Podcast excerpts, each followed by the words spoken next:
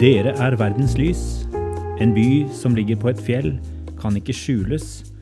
Heller ikke tenner man en oljelampe og setter den under et kar. Nei, man setter den på en holder, så den lyser for alle i huset. Slik skal deres lys skinne for menneskene, så de kan se de gode gjerningene dere gjør, og prise deres Far i himmelen. Matteus kapittel 5.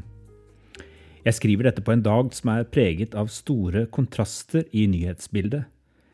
På den ene siden kommer det flere og flere detaljer om den grufulle hendelsen i Kongsberg onsdag kveld, som kostet flere menneskeliv. På den andre siden har Norge nå nettopp fått en ny regjering, som ble presentert på Slottsplassen.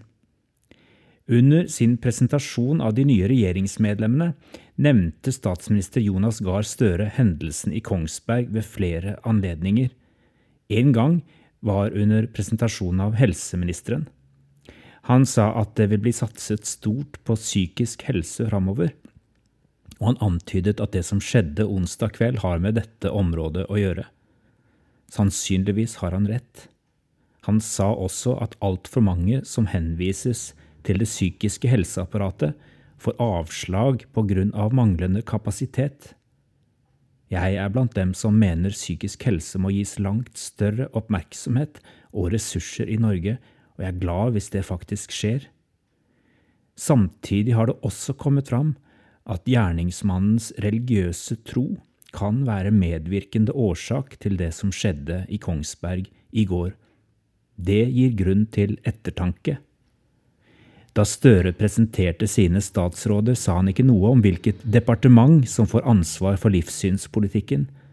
Det kan ha vært en tilfeldighet, for den nye regjeringsplattformen fastslår at regjeringen skal ha en aktiv og forutsigbar livssynspolitikk for et livssynsåpent samfunn. Siden har det kommet fram at livssynsområdet fortsatt skal ligge til Barne- og familiedepartementet, og at ministeren blir Kjersti Toppe fra Senterpartiet.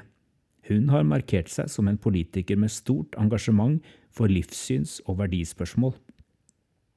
Jeg mener at Norge i større grad trenger å bli et åpent livssynssamfunn som ikke bare henviser tro til privatsfæren, men anerkjenner at det er en viktig faktor i ethvert samfunn.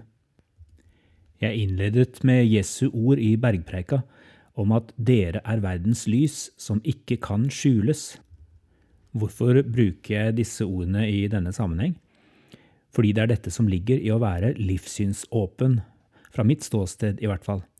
Det å ha en tro burde ikke være en privatsak, verken om den troen er muslimsk, kristen, humanetisk eller noe annet. Og våre trospraksiser bør vi kunne vise fram på en åpen og transparent måte. Troen skal ikke gjemmes bort eller skjules. Hvorfor er det viktig? Jo, i lys av det som skjedde i Kongsberg i går kveld, er det viktig, fordi det er når vi henviser troen til de lukkede rom, at destruktive elementer får lov til å leve og vokse. Det er ikke i åpne moskeer at radikalisering av muslimer foregår i Norge. Det skjer i lukkede fora.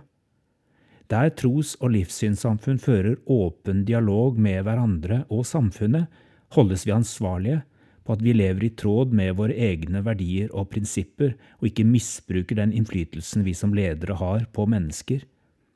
Også i kristne miljøer kan destruktive elementer få utvikle seg når vi isolerer oss fra samfunnet og skaper parallelle miljøer som ikke tåler dagens lys.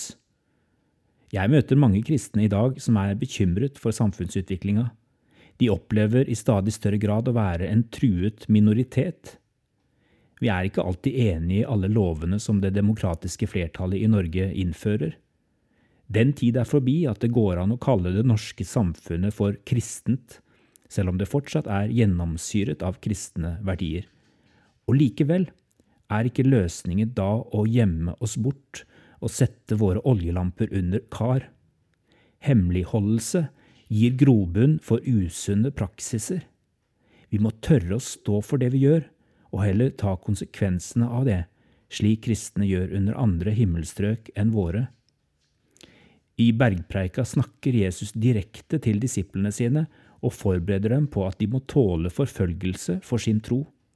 Salige er dere når de for min skyld håner og forfølger dere, lyver og snakker ondt om dere. Men i neste øyeblikk fastholder han at de skal leve åpent om sin tro.